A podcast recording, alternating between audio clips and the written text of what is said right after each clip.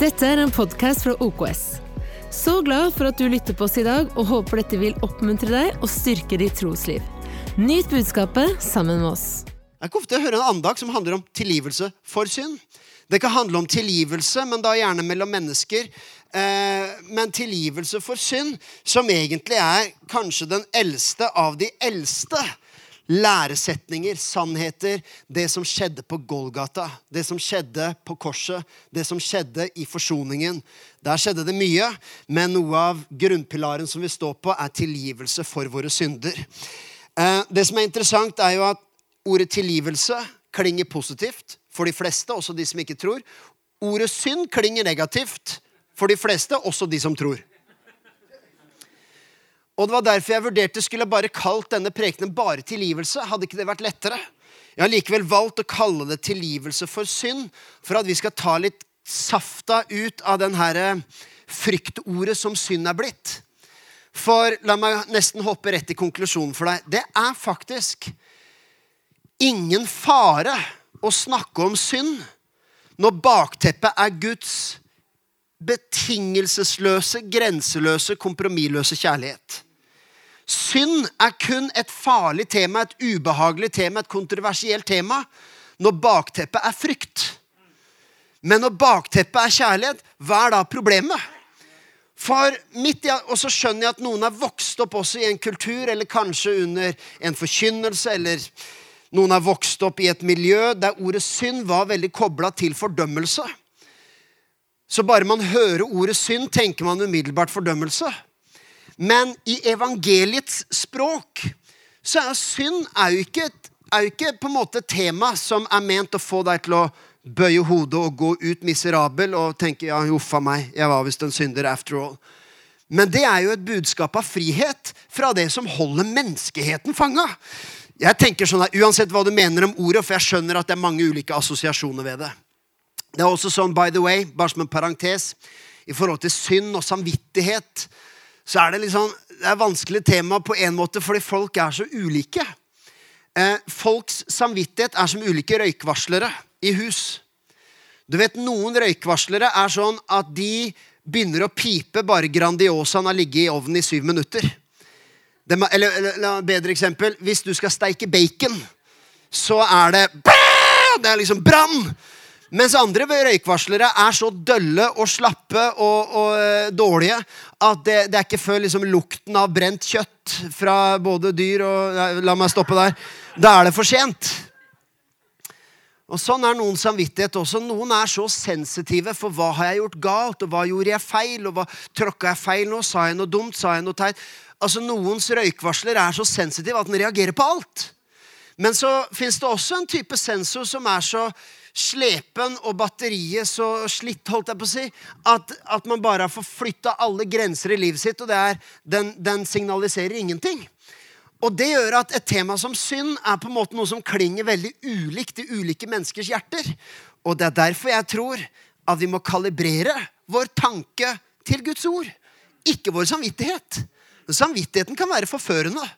Den kan, både, den kan, både, fordømme oss mye mer enn egentlig det som er sunt. Den kan også frikjenne oss mye mer enn det som er sunt. Samvittigheten er litt ustabil. Jeg sier ikke den er ubrukelig, men den, er, den må justeres langs veien. Når bakteppet er Guds kjærlighet, så er synd ikke et truende budskap. Det er, det er tvert imot sånn at egentlig, og det er lov å være uenig og ha motargumenter, bare ikke før neste uke Um, har jeg holdt på fem minutter cirka? Bare sånn, Jeg glemte å starte klokka. Ja. Um, hvis du ser omkring deg og ser i deg og ser i verden, så må jo på en måte denne doktrinen om menneskets synd kanskje være verdens mest veldokumenterte påstand i dag, Jeg vet at vi ikke liker ordet, bl.a. fordi det har assosiasjoner med, med, også mye fordømmelse og skam. og sånne ting. Men, men, det er jo samtidig sånn, det er rart at en menneskehet som er så livredde for å bruke ordet synd, så er det på en måte, det er det mest åpenbare å finne i samfunnet. Hva, å si, det som gjør at man er i konflikt, det som gjør at men, det er friksjon, det som gjør at det er smerte, det som gjør at mennesker forlater hverandre, det som gjør at mennesker ikke vil prate med hverandre, det som gjør at vi blir sinte, det som gjør at det er konflikt, det som gjør at det er partier, det som gjør at det er splittelse, det som gjør at vi skyter og, og kjefter på hverandre. Synd er jo helt åpenbart.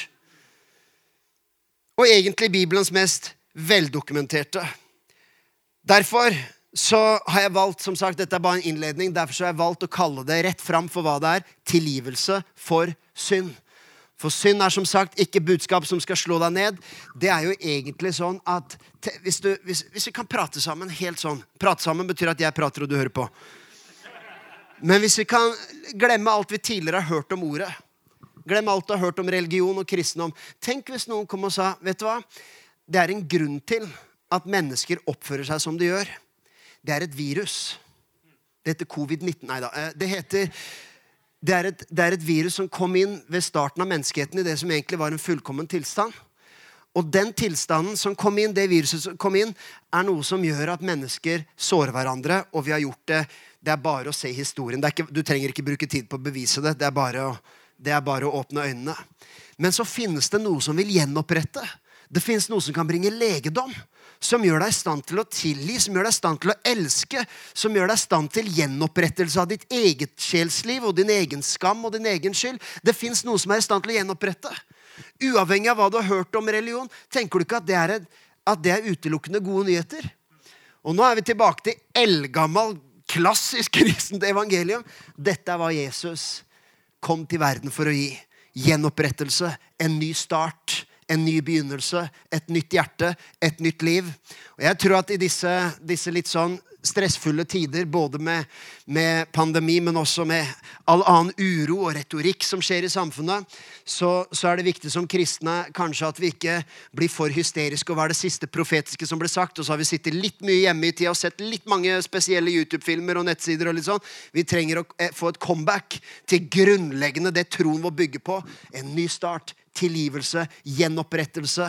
En som kunne vaske hjertet reint fra skyld og skam og utilstrekkelighet og elendighet. Det er evangeliet, og det er det som er både kristendommens fortid, men det er det som også er vår fremtid.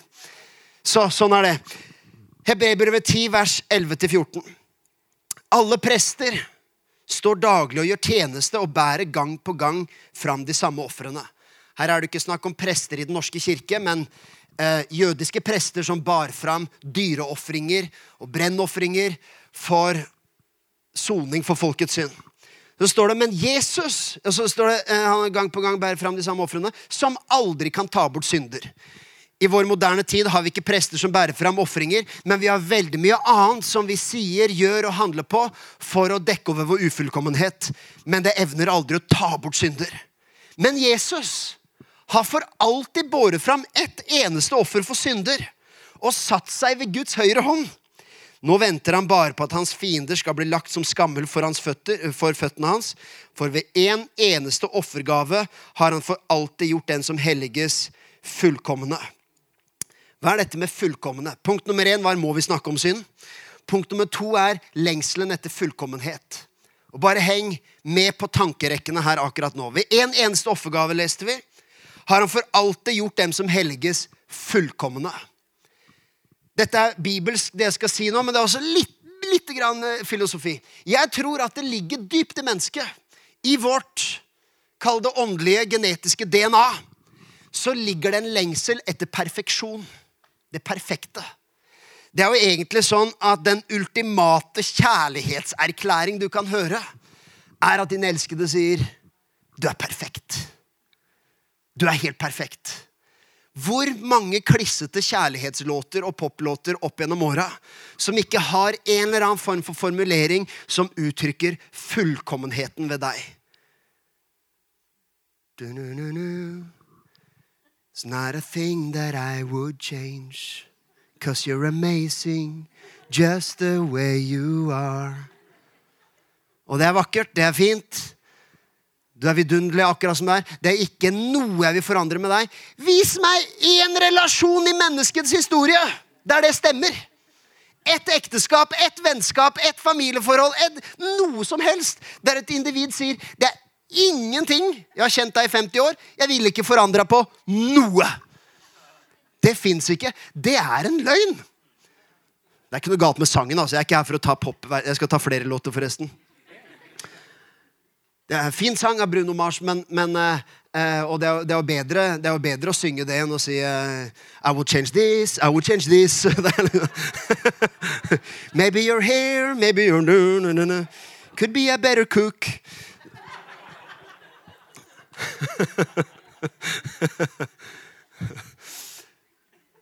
Så sangen er fin, men det er, aldri, det er, en, en myte om at du er fullkommen akkurat som du er. Kanskje i det mest romantiske øyeblikket på date nummer to. Før hovedretten, etter forretten, akkurat i den riktige lyssettingen. Når du er akkurat ikke overmett, men akkurat passe imellom der, og det skifta til akkurat den riktige sangen, der er det et vindu på ti sekunder av perfeksjon. Så går det nedover.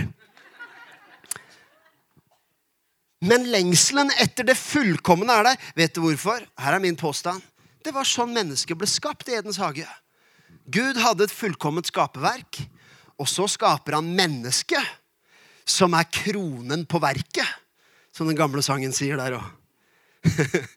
kronen på verket, det var da Gud skapte meg.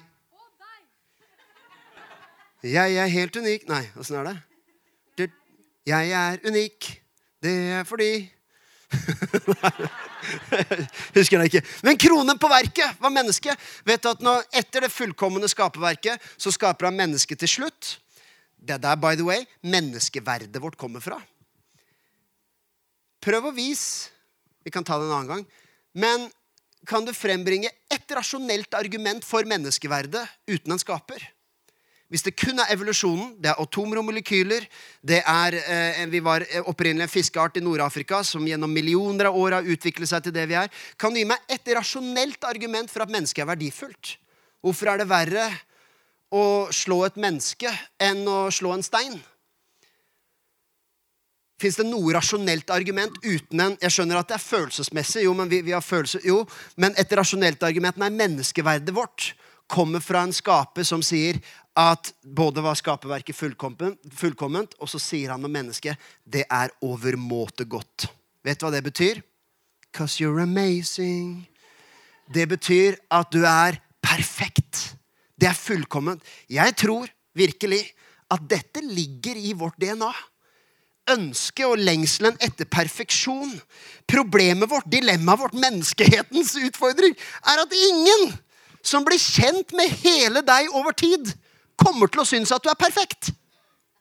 Ikke ektefellen din, ikke ungene dine. I hvert fall ikke ungene dine. Sofie hun drev og fylte ut her om dagen på NRK Super. er det sånn quiz og sånne spørsmål. et av spørsmål, eller det var sånn, ja, eh, Blir du flau over foreldrene dine? Og hun svarte ja. Og så var det en liste over tingene. Hva gjør deg mest flau når pappa prøver å være morsom foran venninnene dine? Ja. Når pappa prøver, Og egentlig alt med pappa var flaut herlig alder. Det, jeg føler det er min rolle i livet å gjøre henne flau. Det er, mitt, det er mitt lodd. Det er oppgaven min. Jeg svikter mitt farsansvar hvis ikke hun blir flau over meg. Men hør her, vi lengter etter fullkommenhet, og det gjør vi virkelig. Vi hører du er perfekt. Eh, men verken ektefellen din, verken familien din, verken vennene dine Du kommer ikke til å få høre det fra noen som mener det 100% og det vil være sant. Jeg må si som den gamle, min, min eh, favorittjournalist, den gamle NRK-sportsjournalisten, som sa følgende Det vil bli kritikk, sa han. Det vil bli kritikk. For Det var nemlig en, eh, eh lands, det var landslagstreneren i, i, skiskyting som hadde tatt ut stafettlaget i OL. eller noe sånt. Og, så var det et valg som var litt sånn overraskende, så journalisten kom og sa du forstår at med dette utvalget, det vil bli kritikk. Og han sa ja, jeg forstår, men vi har valgt det beste laget ut fra det oversikten og forutsetningen vi har. Ja, Så du er forberedt på kritikken når den kommer? For det vil bli kritikk! Ja, jeg forstår det, men vi har, vi har, oversikten, og vi mener vi har gjort det beste. Ja, så du vet det blir kritikk! Han ga seg ikke. Ja, det vil bli kritikk! Og så har jeg siden skjønt at denne journalisten han, han, Det var egentlig ganske bra evangelium med det. Det vil bli kritikk! Men vi ønsker oss fullkommenhet. Den lengselen ligger der. Etter det perfekte. Jeg vet at når vi er på jobben vår, og jeg som pastor og sier det, at, at jeg ønsker konstruktive tilbakemeldinger. Jeg ønsker evaluering, jeg ønsker feedback. Hva kan jeg gjøre bedre? Og det mener jeg at jeg ønsker, og det trenger man. og det vil man ha, og det er utviklende. Men dypest sett i mitt innerste sjelsliv, det jeg ønsker å høre, er det var perfekt. Ikke det vil bli kritikk. Ja, det er det du drømmer om å høre, ikke sant? Ja, hva hva, hva syns du om prekena mi? Perfekt. Ja, hva, hva vil du forandre på? Ingenting. Det, er, det, treffer en eller annen dyp åre. Kom igjen, Er det bare meg som er bekreftelsesjunkie her, eller er det menneskeheten, sier Adam? Nei, du skjønner, jeg, jeg, vil påstå at mennesker generelt, bare min analyse av menneskeheten, vi er utrolig dårlige på kritikk. Vi er dårlige på å håndtere det. Vi er skikkelig dårlige. Vi blir opprørt, og vi har motargumentene klare med en gang. Jeg òg. Jeg vet det. Jeg ønsker feedback. Jeg ønsker ærlighet. Jeg ønsker at folk skal snakke sant. Jeg ønsker å bli bedre og utvikle meg. Men jeg har et motargument likevel. I, i liksom kommer av seg sjøl. Ja, vil du gi meg feedback på prekena? Ja, var, var kanskje litt langt. Ja, jeg skjønner det. Men samtidig, det er veldig lenge siden nå at jeg har prekt. Og det, det er liksom eh, et sånt tema vanskelig å få sånn Ja, ok. Noe annet? Ja, Kanskje den biten der var litt vanskelig å forstå. Ja, jeg skjønner. Ja. Det har kanskje litt med mottakeren å gjøre òg, men jeg vet ikke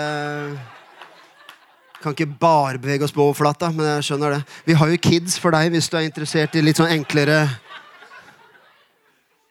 Men det er rart. Vi har liksom en motargument klart. Med en gang huet, Det virker som hjernen gjør dette av seg sjøl. Det går på autopilot. Blir det kritikk?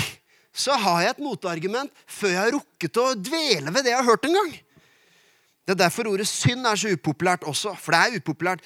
Det truer vår lengsel og vår tilstand av fullkommenhet. Det perfekte. Så her er problemet vårt. Vi lengter etter det perfekte, men vi er aldri i nærheten. Da fins det to ting, to metoder vi kan gjøre. Det ene er å dekke over vår svakhet og late som det ikke fins. Skjule det, kamuflere det og få fasaden til å se så tilnærmet perfekt ut som vi klarer. Det andre er å late som om det er meningen at det skal være der. gang, Hvis du liksom har tatt på deg to feil, feil, sokker, eller et eller annet sånt, og så påpeker noen at du, har, du har forskjellig farge på sokkene Det er meningen at det skal være sånn. Det er, den, det, det er de to måtene å Jeg vet at det er banale eksempler, men, men det egentlig er ganske egentlig ganske alvorlig. når vi, Det er sånn vi responderer på våre feil, våre mangler, vår nakenhet, vår sårbarhet, vår skjørhet. Enten så gjemmer vi det sånn at folk flest ikke kan se det, og gjemmer det gjerne for de aller nærmeste òg. Eh, eller så later vi som om det er bare meningen at det skal være sånn. Sånn skal det være. Det er bare sånn jeg er. Jeg er en sterk D i disk, så jeg liker å manipulere folk. Det er bare sånn det, det, er, bare sånn det er. Nei. Det var det Adam gjorde. Han ble jo tatt i å spise denne frukten. Det er et annet element som jeg ikke har tid å snakke om nå. Men det er liksom dette med synd og alt sånt. Hvordan vi lever i benektelse helt vi blir tatt noen ganger. Det er det sånn, det å bli tatt, hva innebærer det? Å bli avslørt? Bli busta? Det er jo egentlig en veldig ubehagelig ting, men noen ganger så er det ditt gjennombrudd. Det er ditt øyeblikk av frihet. Jeg vet at eh, Å, du verden så mye meninger det er om Petter Northug. Altså, nordmenn har for lite å gjøre, lurer jeg på, rett og slett. Vi trenger, vi trenger noen hobbyer. Uh, vi trenger noen aktiviteter. Sykling, for eksempel. Mer sykling. Men uansett, det er mange meninger. Men jeg syns likevel det er interessant, uh, for, for, for jeg uh, det, Mitt poeng her er ikke å ta noe parti en eller andre veien, men jeg tror alltid en som, en som ønsker å forandre seg. En som må stå foran masse masse mennesker og vise fram noe av det mest nakne, ærligste, flaueste og sårbare. Eh, fortjener i hvert fall eh, at det fins en vei. Det finnes, eh, men så er spørsmålet trenger fire millioner mennesker fem millioner mennesker å egentlig ha så mye meninger om det. til syvende og sist. Men uansett, jeg syns likevel er interessant dette her at hva er det som gjør? Hva er det som starta snuoperasjonen? Han ble tatt. Jeg vet da, ja, men eh, for Det kan også være motargumentet. Ja, Han er en angrende synder, og han må få en sjanse. Men det var bare fordi han ble tatt. Men det å av og til bli konfrontert med sin synd jeg vet dette er, For deg som er på besøk, det er veldig sjelden jeg bruker de ordene i en tale. bare så du er klar over det. Du, du, tenkte du skulle komme til kirken. Jeg håper ikke du snakker om synd. Så står han og snakker om å konfrontere synd. Det, det er sjelden jeg bruker de ordene. Men jeg, jeg, jeg tror rett og slett noen steder i livet så er det å bli avslørt er en frihet. Det er så deilig. Trenger ikke hjemme på det lenger. Trenger ikke bortforklare. Så mye energi man bruker på unnskyldninger og varianter. og det er sånn, Til slutt så blir du avslørt. Og så er det bare ah, så deilig. Trenger ikke late som lenger. Derfor så sier jeg at det beste er jo Jeg snakka med en eh, etter eh, en av gudstjenestene i dag også om liksom i møte med kirkefremmede og sånn. Så det er så voldsomt å begå synd. Synd mot Gud. Det er liksom det er greit, det er ikke perfekt, men synd mot Gud det blir så, det, hvordan, hvordan Skal jeg sitte der på kafeen og, og, forklare folk det? La meg si deg en ting. Det tryggeste stedet å synde, det er mot Gud. Jeg er så glad for at ikke menneske, noe menneske det er bare å lese nok av kommentarfelt og debatter og meninger og folks dom. Så jeg er veldig glad for at du ikke skal være verken min eller din dommer den dagen jeg er på andre siden og, og håper å si livet mitt skal vurderes. Jeg er glad for at den som sitter der og skal felle dom over mitt liv, er nådens herre. Han er den som forsonet verden med seg selv og ikke lenger tilregner dem deres overtredelser. Takk og pris at det er Gud som er min dommer, og ikke deg. Oh yes. Vi lengter etter det perfekte, og her er problemet. Vi prøver å hente hos mennesker det vi kun kan hente i Gud. Vi prøver å hente mennesker det vi kun kan hente Gud. Og i dette her så, så, lever vi, så lever vi spenningen nettopp mellom det fullkomne og det ufullkomne. Det, det er jo det her at i, også i kristen sammenheng så finnes det ikke så langt tilbake i historien, og egentlig den dag i dag også, så finnes det ulike former for teologi som strekker seg liksom mot det perfekte. Det finnes til og med en lære som sier at du kan vokse så i Gud og du kan vokse så i helliggjørelse at du til slutt blir syndefri. Altså Du kan bli på en måte så tett Jesus. Du veit godt hva jeg snakker om, Geir. Syndefrihetslære. Det ligger i vår egen pinsetradisjon. det er Noen elementer av det. Jeg tror at jakten på det perfekte, både i kristen sammenheng og utenfor, driver oss til vanvidd. For vi oppdager at det perfekte fantes ikke. Det fullkomne fantes ikke. Jeg tror noen av verdens verste ideologier har sprunget ut fra forestillingen om det fullkomne. Vi skal ha fullkommen likhet. Og ut fra det, i hvert fall i noen varianter av den, så springer ut uh, i, opp gjennom historien uh, en kommunistisk ideologi om at alt skal være likt som ender opp Jeg sier ikke alle, alle kommunistiske regimer er massemordere. Jeg bare sier at varianter av det endte opp med forferdelig brutale regimer. For alt skulle være likt. Du skjønner, Jakten etter det perfekte tar livet av oss. Kanskje er vi og det er ikke noe skremselsgreie, men kanskje av og til også i vår jakten på det perfekte, tolerante samfunn ende, Spol et, et steg tilbake. Ingen har noen gang stått fram og sagt vi skal lage en ond ideologi, ideologi, så skal vi undertrykke menneskeheten, og så skal det ende med brutale ting, og så skal det være elendighet over hele linja. Alle har begynt ut med en ambisjon om noe fantastisk. Det skal bli et helt likt samfunn. Til og med nazistene. Det skal bli et sterk stat med sterke familier og sterke arbeidere og en sterk industri, mens de funksjonshemmede og de homofile og de og de, det passer ikke inn i dette perfekte bildet. Kanskje noen ganger i dag. Jeg vet Sammenligningen blir litt voldsom. Men også forestillingen om det perfekte, tolerante samfunn der ingen noen gang sier eller gjør noe som krenker noen fordi vi er så tolerante. Da eneste vi må fjerne, det er folk som sier noe krenkende. Og så krysser man en grense der krenkelsene mot menneskeheten blir større enn de krenkelsene man prøver å bekjempe. Derfor så tror jeg, Men dette er bare eksempler. Det er i politikken, det skjer i, i, i kirken, i, i, religionen. Det perfekte trossamfunnet, den perfekte kirken. Per, det, det, vil bli kritikk! Det er viktig å skjønne. Det er en frihet i det. men kanskje handler også evangeliets tilnærming til tilgivelse for synd ikke hvordan kan du bli et fullkomment menneske, hvordan kan vi nå en fullkommen tilstand, men hvordan lever vi med Gud og med hverandre midt i vår ufullkommenhet. Og det skal jeg vise deg til slutt hva som er, hva jeg tror er nøkkelen til det. Du skjønner, Jakten etter det fullkomne gjør oss sprø, og det gjelder selvsagt også sånn. Jakten etter perfekt utseende, perfekt kropp, perfekt bolig, perfekt alt sammen. Um, I den, den, nye MGP Junior-sangen Fellessangen Jeg sa det ble flere låter her, skjønner du. MGP Junior, eh, som er, eh, de har en ny sang eh, som fellessang som heter Du er perfekt. Og min ambisjon her nå med det jeg skal si de neste par minuttene, er ikke å slakte den låta. Det er ikke å si hvor forferdelige de er. Men, men eh, det, er et, det, er et, budskap i samfunnet av og til som høres fint ut, som jeg tror egentlig ødelegger for oss. Når du har for eksempel, eh, Tidligere her så var det den her eh, Bli med-låta til NRK som het 'Du er mer enn mer enn god nok'. Du er mer enn mer enn god nok. Og det høres jo veldig bra ut, og det er, det er tross alt bedre enn å si at du er elendig, liksom. Men, men samtidig så er det et budskap som Jeg har tøysa litt med ungene, da, hatt litt gøy.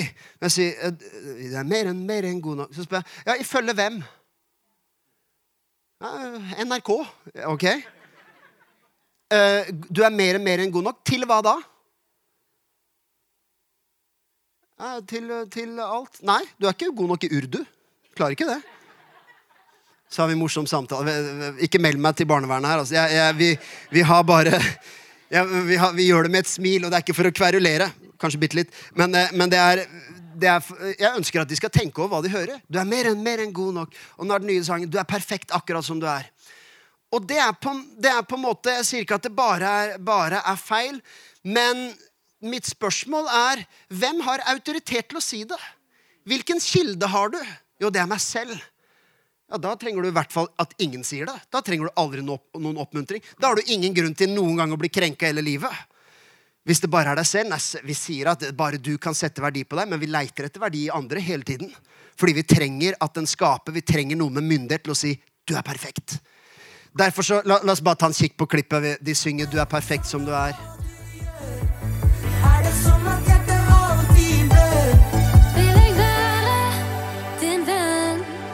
Backer deg, backer deg, backer deg, backer 100 Backer deg 100 Det er du fortjent. Det har du. Fortjent.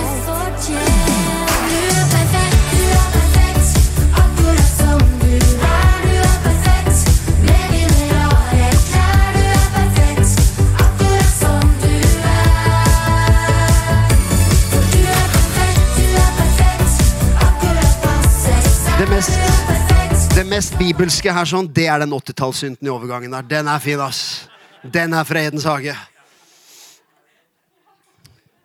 Men med alle sine gode intensjoner, med alt det positive som tross alt er i dette her, jeg mener at den feiler 100% i å gi mennesker rett identitet. Backer deg 100 Det er jo det som er skuffelsen av mennesker. Ender ikke opp med å gjøre det. Og så føler vi oss avvist og krenka, og så blir vi anklagende og bitre. Og hva var galt med de? Og så lærer vi oss ikke å leve med ufullkommenhet. Og så læreren backa meg ikke 100% sjefen backa meg ikke 100% mamma var ikke der når hun burde ha vært der for meg. Og til slutt så er vi sånne ofre fordi de skulle jo backe meg, de skulle være der. Og så var det ikke sånn allikevel. Det har du fortjent, synger de her. Ifølge hvem? Hva har gjort deg fortjent til? Du er perfekt for det har du fortjent. Vet du hva? Um, I min verden, og jeg forstår at jeg ser dette fra et kristen perspektiv, det innser jeg. Men jeg hører denne teksten og hører bare én eneste stor lengsel etter det Bibelen kaller rettferdiggjørelse. Nemlig at noen Hvem er det som kan backe deg 100% Vet du hvorfor mennesker ikke kan backe deg 100% For de er ikke 100 sjøl. De, trenger, de er like ufullkomne som deg. Og er også noen som trenger backing. Og så er det bra å stille opp for hverandre. Hello, Det er ikke det vi snakker om her, at vi skal gå sololøp. Men det er kun én som kan backe deg 100% fordi det er Guds natur. At han, han er selvoppfyllende. Han er den som fyller alt i alle. Gud trenger ikke at du backer han. Han blir ikke krenka og såra og fornærma for at du synder. Nei, han er den som gir alle ting liv og holder alle ting oppe. Han er den eneste som bare kan gi. Han backer deg 100% Hvem er det som kan si at du er perfekt? Jo, det er Jesus Kristus. Som gjorde sånn at du ble frikjøpt, rettferdiggjort, tilgitt, rensa, vasket ren i Jesu blod. Som gjør at Der har du det! Du er perfekt! Midt i din ufullkommenhet. Det er evangeliet. Men du kan ikke hente i mennesker det som kun Gud kan gi. Det, videre i teksten her så, så synger de også det er normalt og det er ikke normalt å være normal. Og Jeg skjønner jo jeg skjønner jo greit, det er jo for å oppmuntre annerledeshet. Det er samtidig litt sånn, ja, du er perfekt, bortsett fra hvis du er normal. Da er du ganske kjedelig. Hva er det som er så ille med å være normal? Og hvorfor er det så viktig å være, hvorfor er det så viktig å være god nok? Her, her er en kristendomskviss kristendomsquiz. Velg hvilket alternativ som er evangeliet. Nummer én, du er god nok akkurat som du er. Tommel opp eller tommel ned, er det det kristne evangeliet? Ja, det er, det, jeg er litt usikker. Det er ikke det. Du er god nok som du er. Da hadde vi klart oss fint uten Gud. Vi hadde klart oss fint uten ting. Og jeg vet at, ja, Det er mye mer å si om det. Jeg har ikke, jeg har ikke tid å ta det. Men jeg, jeg mener at det er en felle, den setningen. Du er god nok som du er. Inntil jeg oppdaga at det ikke var det, og da kollapser livet mitt. Da kollapser fundamentene mine. Da kollapser ideologien min. Da kollapser relasjonene mine. Eh, evangelium nummer to. Alle, inkludert Gud, må akseptere deg med alle dine feil og mangler. Altså, han, han må det. Han er skyldig. Det har du fortjent. Det er nesten sånn ja, Guds kjærlighet er, er det liksom Å, takk, Gud elsker meg. Nei, selvsagt elsker han meg. Det skulle bare mangle. What's not to love about me? Tommel opp eller tommel ned. Evangelium. Eh, nummer tre. Du er unik og spesiell, god nok som du er, så du trenger ingen utvikling, vekst, transformasjon, forandring i livet. Tommel opp, tommel ned. Hvis du bare har hjertet på rett sted, er du god nok for Gud. Alle mennesker til alle tider har hatt hjertet på rett sted. Det er ingen som har sagt da, vet du hva? Jeg har et tvers igjennom pur ondt hjerte. Alle har, mener at man har et godt hjerte. Jeg så på sånn dokumentargreie fra, fra et land i Asia hvor de skulle fange menneskehandlere på fersken. Grusomme handlinger. Og det var live kamera, ansiktene var sladda, men de tok det i fersk gjerning på å selge mennesker til sexindustrien. Vet du hva de sa når de kom på kamera? Jeg er ikke et ondt menneske. Jeg har et godt hjerte. Det er det samme nede i Mexico, der hvor vi, vi har kirke. De verste narkokartellene vet du hva? De har masse masse liv på, på samvittigheten, men de sier i bunn og grunn vi er ikke onde. Vi, vi gjør bare det vi må. Vi gjør det vi ble tvunget til. Vi gjør det vi må for å overleve. Ingen er onde mennesker. Derfor er det å ha hjertet på, på rette staden Det fins uh, forskjell på hvor man har hjertet, men det er ikke evangeliet at hvis du bare har et godt hjerte er- er- det var litt det som var Adams forklaring, og jeg spiste av frukten, men jeg har, jeg har et godt hjerte. Det var bare Eva som forpurra det lite grann. Nummer fem, du er milevis unna fullkommenhet, men gjennom Kristus gjort fullkommen. Og ut fra den posisjonen kan totalrenoveringen begynne. Det er evangeliet. Det er evangeliet. La meg lese Romerbrevet 3 for deg også. Vi nærmer oss veldig slutten her. For jeg vil ikke ha kritikk på at det ble for langt. Romerbrevet 3, 19-24. Vi vet at alt det loven sier. Vet du hva, Jeg hopper rett til slutten her. Det står dette er Guds rettferdighet som gis ved troen på Jesus Kristus til alle som tror. Her er det ingen forskjell, for alle har syndet og mangler Guds herlighet. Men ufortjent og av Hans nåde blir de kjent rettferdige. Du vet, alle, alle som kjenner evangeliet, og folk som har hørt om nåden, vil være enige om at nei, ingen blir rettferdiggjort av lovgjerninger, som det sto tidligere i teksten. Ingen blir gjort rettferdig av å være moralske. Av å gjøre liksom, gode meritter, så vil Gud til slutt si oh, ok, flink gutt, flink jente. Da ble jeg imponert. Vi vet at det er ikke ved lovgjerninger, men det er ved nåden. Eh, men samtidig så hva- er det i praksis? Å prøve å bli rettferdiggjort ved gjerninger. Her er ett forslag, et perspektiv hva det er for noe. Man tenker gjerne de som er prøvd å bli rettferdiggjort ved lovgjerninger. Det var sånne ekstremt fordømmende moralske folk, fariseere i Bibelen, som så ned på alle de andre. De prøvde på det. Nei, jeg prøver på det. For rettferdiggjørelse det er ikke en doktrine du kan lære deg, og så sitter den, og så er det bare å ramse opp den definisjonen. Rettferdiggjørelsen, tro meg, det er en daglig vitnesbyrd, liv, erfaring. Det er en daglig oppdagelse. Det tar et helt liv å pakke ut rekkevidden av rettferdiggjørelse. Her er hva rettferdiggjørelse ved gjerninger er for oss. Det er det mennene som vi alltid setter bak vår synd. Jeg spiste av frukten, men Eva. Jeg, eh, det Adam sier, jeg hadde en kontekst som rettferdiggjorde det valget. Jeg hadde en god grunn. Men var det sånn Jesus døde for alle synder som du hadde en, så, eh, bortsett fra de du hadde en ordentlig god grunn til å gjennomføre? De som virkelig kunne forsvares og forstås ut fra det du har måttet vært igjennom. Her er problemet, tror jeg. Lytt nøye etter. Dette er som en paraply som vi setter opp. Fordi vi er redde for at erkjennelse av synd det bærer med seg en straff eller en konsekvens. Det betyr at det diskvalifiserer meg, det, det gjør meg uverdig, det avviser meg, eller det gjør meg jeg fikk, Noen som la ut et bilde av Mary Poppins på møtet i dag. eh, Så egentlig ødela de hele illustrasjonen. Det vil bli kritikk.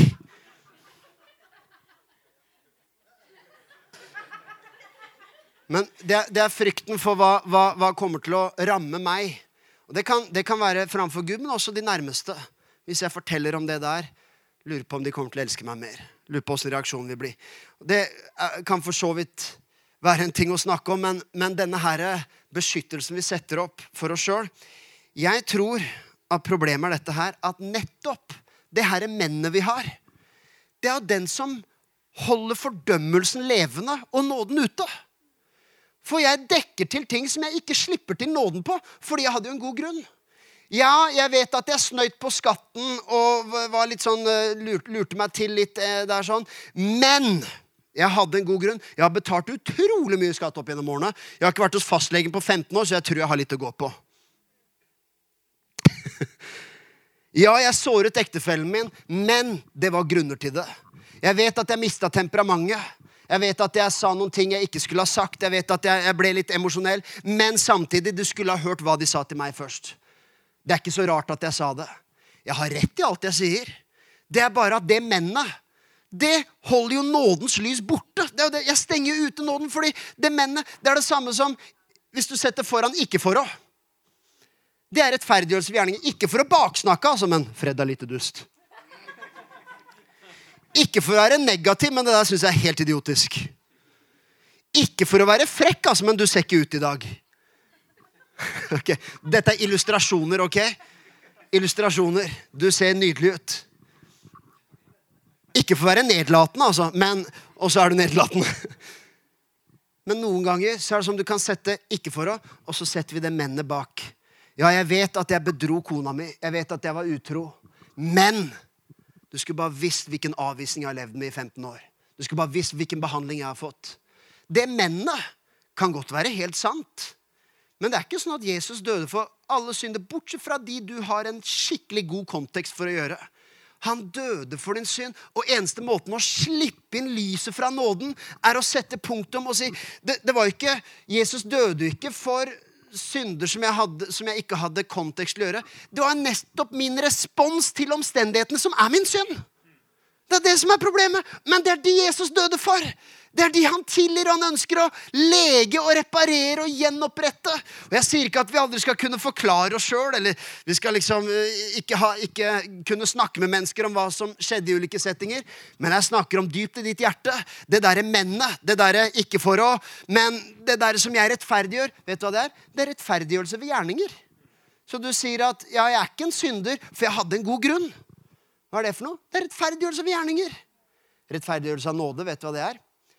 Det er innrøm alt. Sier ikke at du skal lyve om deg sjøl, men eh, jeg har brukt dette bildet her, her før, og nå kan, nå kan Torunn gjerne komme opp her og eh, spille, sånn at jeg skjønner at jeg må avslutte. Dette er fra, fra en rettssal der du har Gud som dommer. Takk Gud at det er han som skal dømme. Du har mennesket som er tiltalt, sitter på tiltalebenken, som vi har gjort siden Adam, med behov for å forsvare oss. Så har du Satan, hvis du zoomer inn på aktoren, anklageren. Håper ikke det er noen som jobber som aktor her. Men i Bibelens rettsdrama det er, det er mange mennesker som tror at Gud er anklageren. Han er den som anklager deg for din synd. Men ordet Satan betyr anklager. Han er aktoren i denne åndelige rettssalen, for å si det sånn. Han er nemlig den som anklager og fordømmer. Det kunne vi snakke litt om. Og så er det mennesket som er tiltalt. Skjønner, Hvis du har en aktor som anklager deg, så er det jo sånn at jo mer du forsvarer deg sjøl, jo mer aktiv holder du aktoren. Han får bare mer å gjøre. Så jeg sier, Fred, jeg skal dokumentere. La meg blande litt sånn fiktiv rettssak og litt åndelighet i det. Jeg skal dokumentere virkelig at du er diskvalifisert. Jeg skal vise deg, og jeg vet du, har- du ser så glad og fin ut, og du er så omgjengelig og raus og hyggelig, men jeg skal vise. Det fins ting folk ikke veit om, og som noen veit om. Jeg skal dokumentere ja, Du ser litt redd ut, faktisk. Jeg skal Sorry, det var ikke, ikke det som var meningen. Ikke for å skremme deg, altså, men det fins ting som Og så anklager jeg Fred og sier at egentlig spørs om du egentlig er verdig verken til å lede lovsang eller til å være den du er. eller det, er liksom, det, det, det her er Jeg skal dokumentere dobbeltspillet ditt. Og så sier Fred nei, nei, nei, nei, hør, hør nå her. Jeg er ikke den verste. Jeg møtte en annen lovsangsleder i en annen kirke, og jeg er i hvert fall, ikke, jeg er i hvert fall bedre enn dem. Uh, og ikke bare det, jeg har et godt hjerte. Og, og, og saken er dette, Du prøver å diskvalifisere meg, men saken er jeg har prøvd mitt beste. Ja, virkelig, ja, du, du har ikke noen rett til å Jo mer han forsvarer seg, jo mer mat gir han til aktoren til å bare fortsette å bevise. Så lenge du forsvarer deg, så holder du fordømmelsen i live. Fordi djevelen bare fortsetter. Vet du hvordan du setter aktoren ut av spill? Hvordan du får han til å holde kjeft? Du sier 'skyldig'. Ja, men jeg skal bevise det. Trengs ikke, jeg innrømmer. Jo, men jeg skal, jeg skal virkelig, Fred. Jeg skal, jeg skal vise detaljer. Nei, vet du hva, det er ett fett hvilke detaljer du finner. For Jakobs brev 2.10 sier at den som er skyldig ett lovbrudd, er skyldig hele loven. Jeg er basically kapabel til hva som helst. Jeg innrømmer det. Ja, men jeg skal Og så til slutt kan du si, men ikke snakk med meg mer. Snakk med advokaten min. Jesus Kristus. For han er en soning ikke bare for våre synder, men for hele verden. Det står i 1. Johannes brev 2,1 og, eh, og, og i 2 så står det at om noen synder har vi en talsmann hos far Jesus Kristus. Ordet talsmann betyr bokstavelig talt advokat. Forsvarsperson, forsvarsadvokat. En som taler din sak, og som i vårt tilfelle er en som har inngått en avtale med dommeren, som sier at yes, jo, du var skyldig, men jeg har betalt for alt sammen. Det er ok. Og ikke bare er han advokaten min, og han har fiksa alt, og han har sørga for dommen, så ikke plag meg mer. Snakk med han hvis du har noe å si. Men i tillegg så har han også rehabiliteringsprogrammet mitt. Så han skal hjelpe meg videre til en ny måte å leve på. Jeg skal lukke iPaden, tror jeg.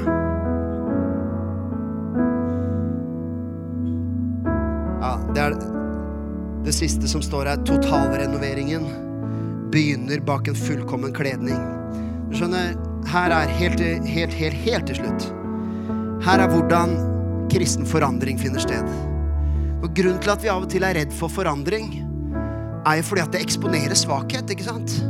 Ikke krev at jeg skal forandre meg, for da, da, jeg, da innebærer jo det til og med en erkjennelse av ting. Jeg, jeg eksponerer meg. Spesielt hvis det er liksom litt større ting, så, så er det sånn jeg, jeg, må ha, jeg må ha noe dekke over hodet.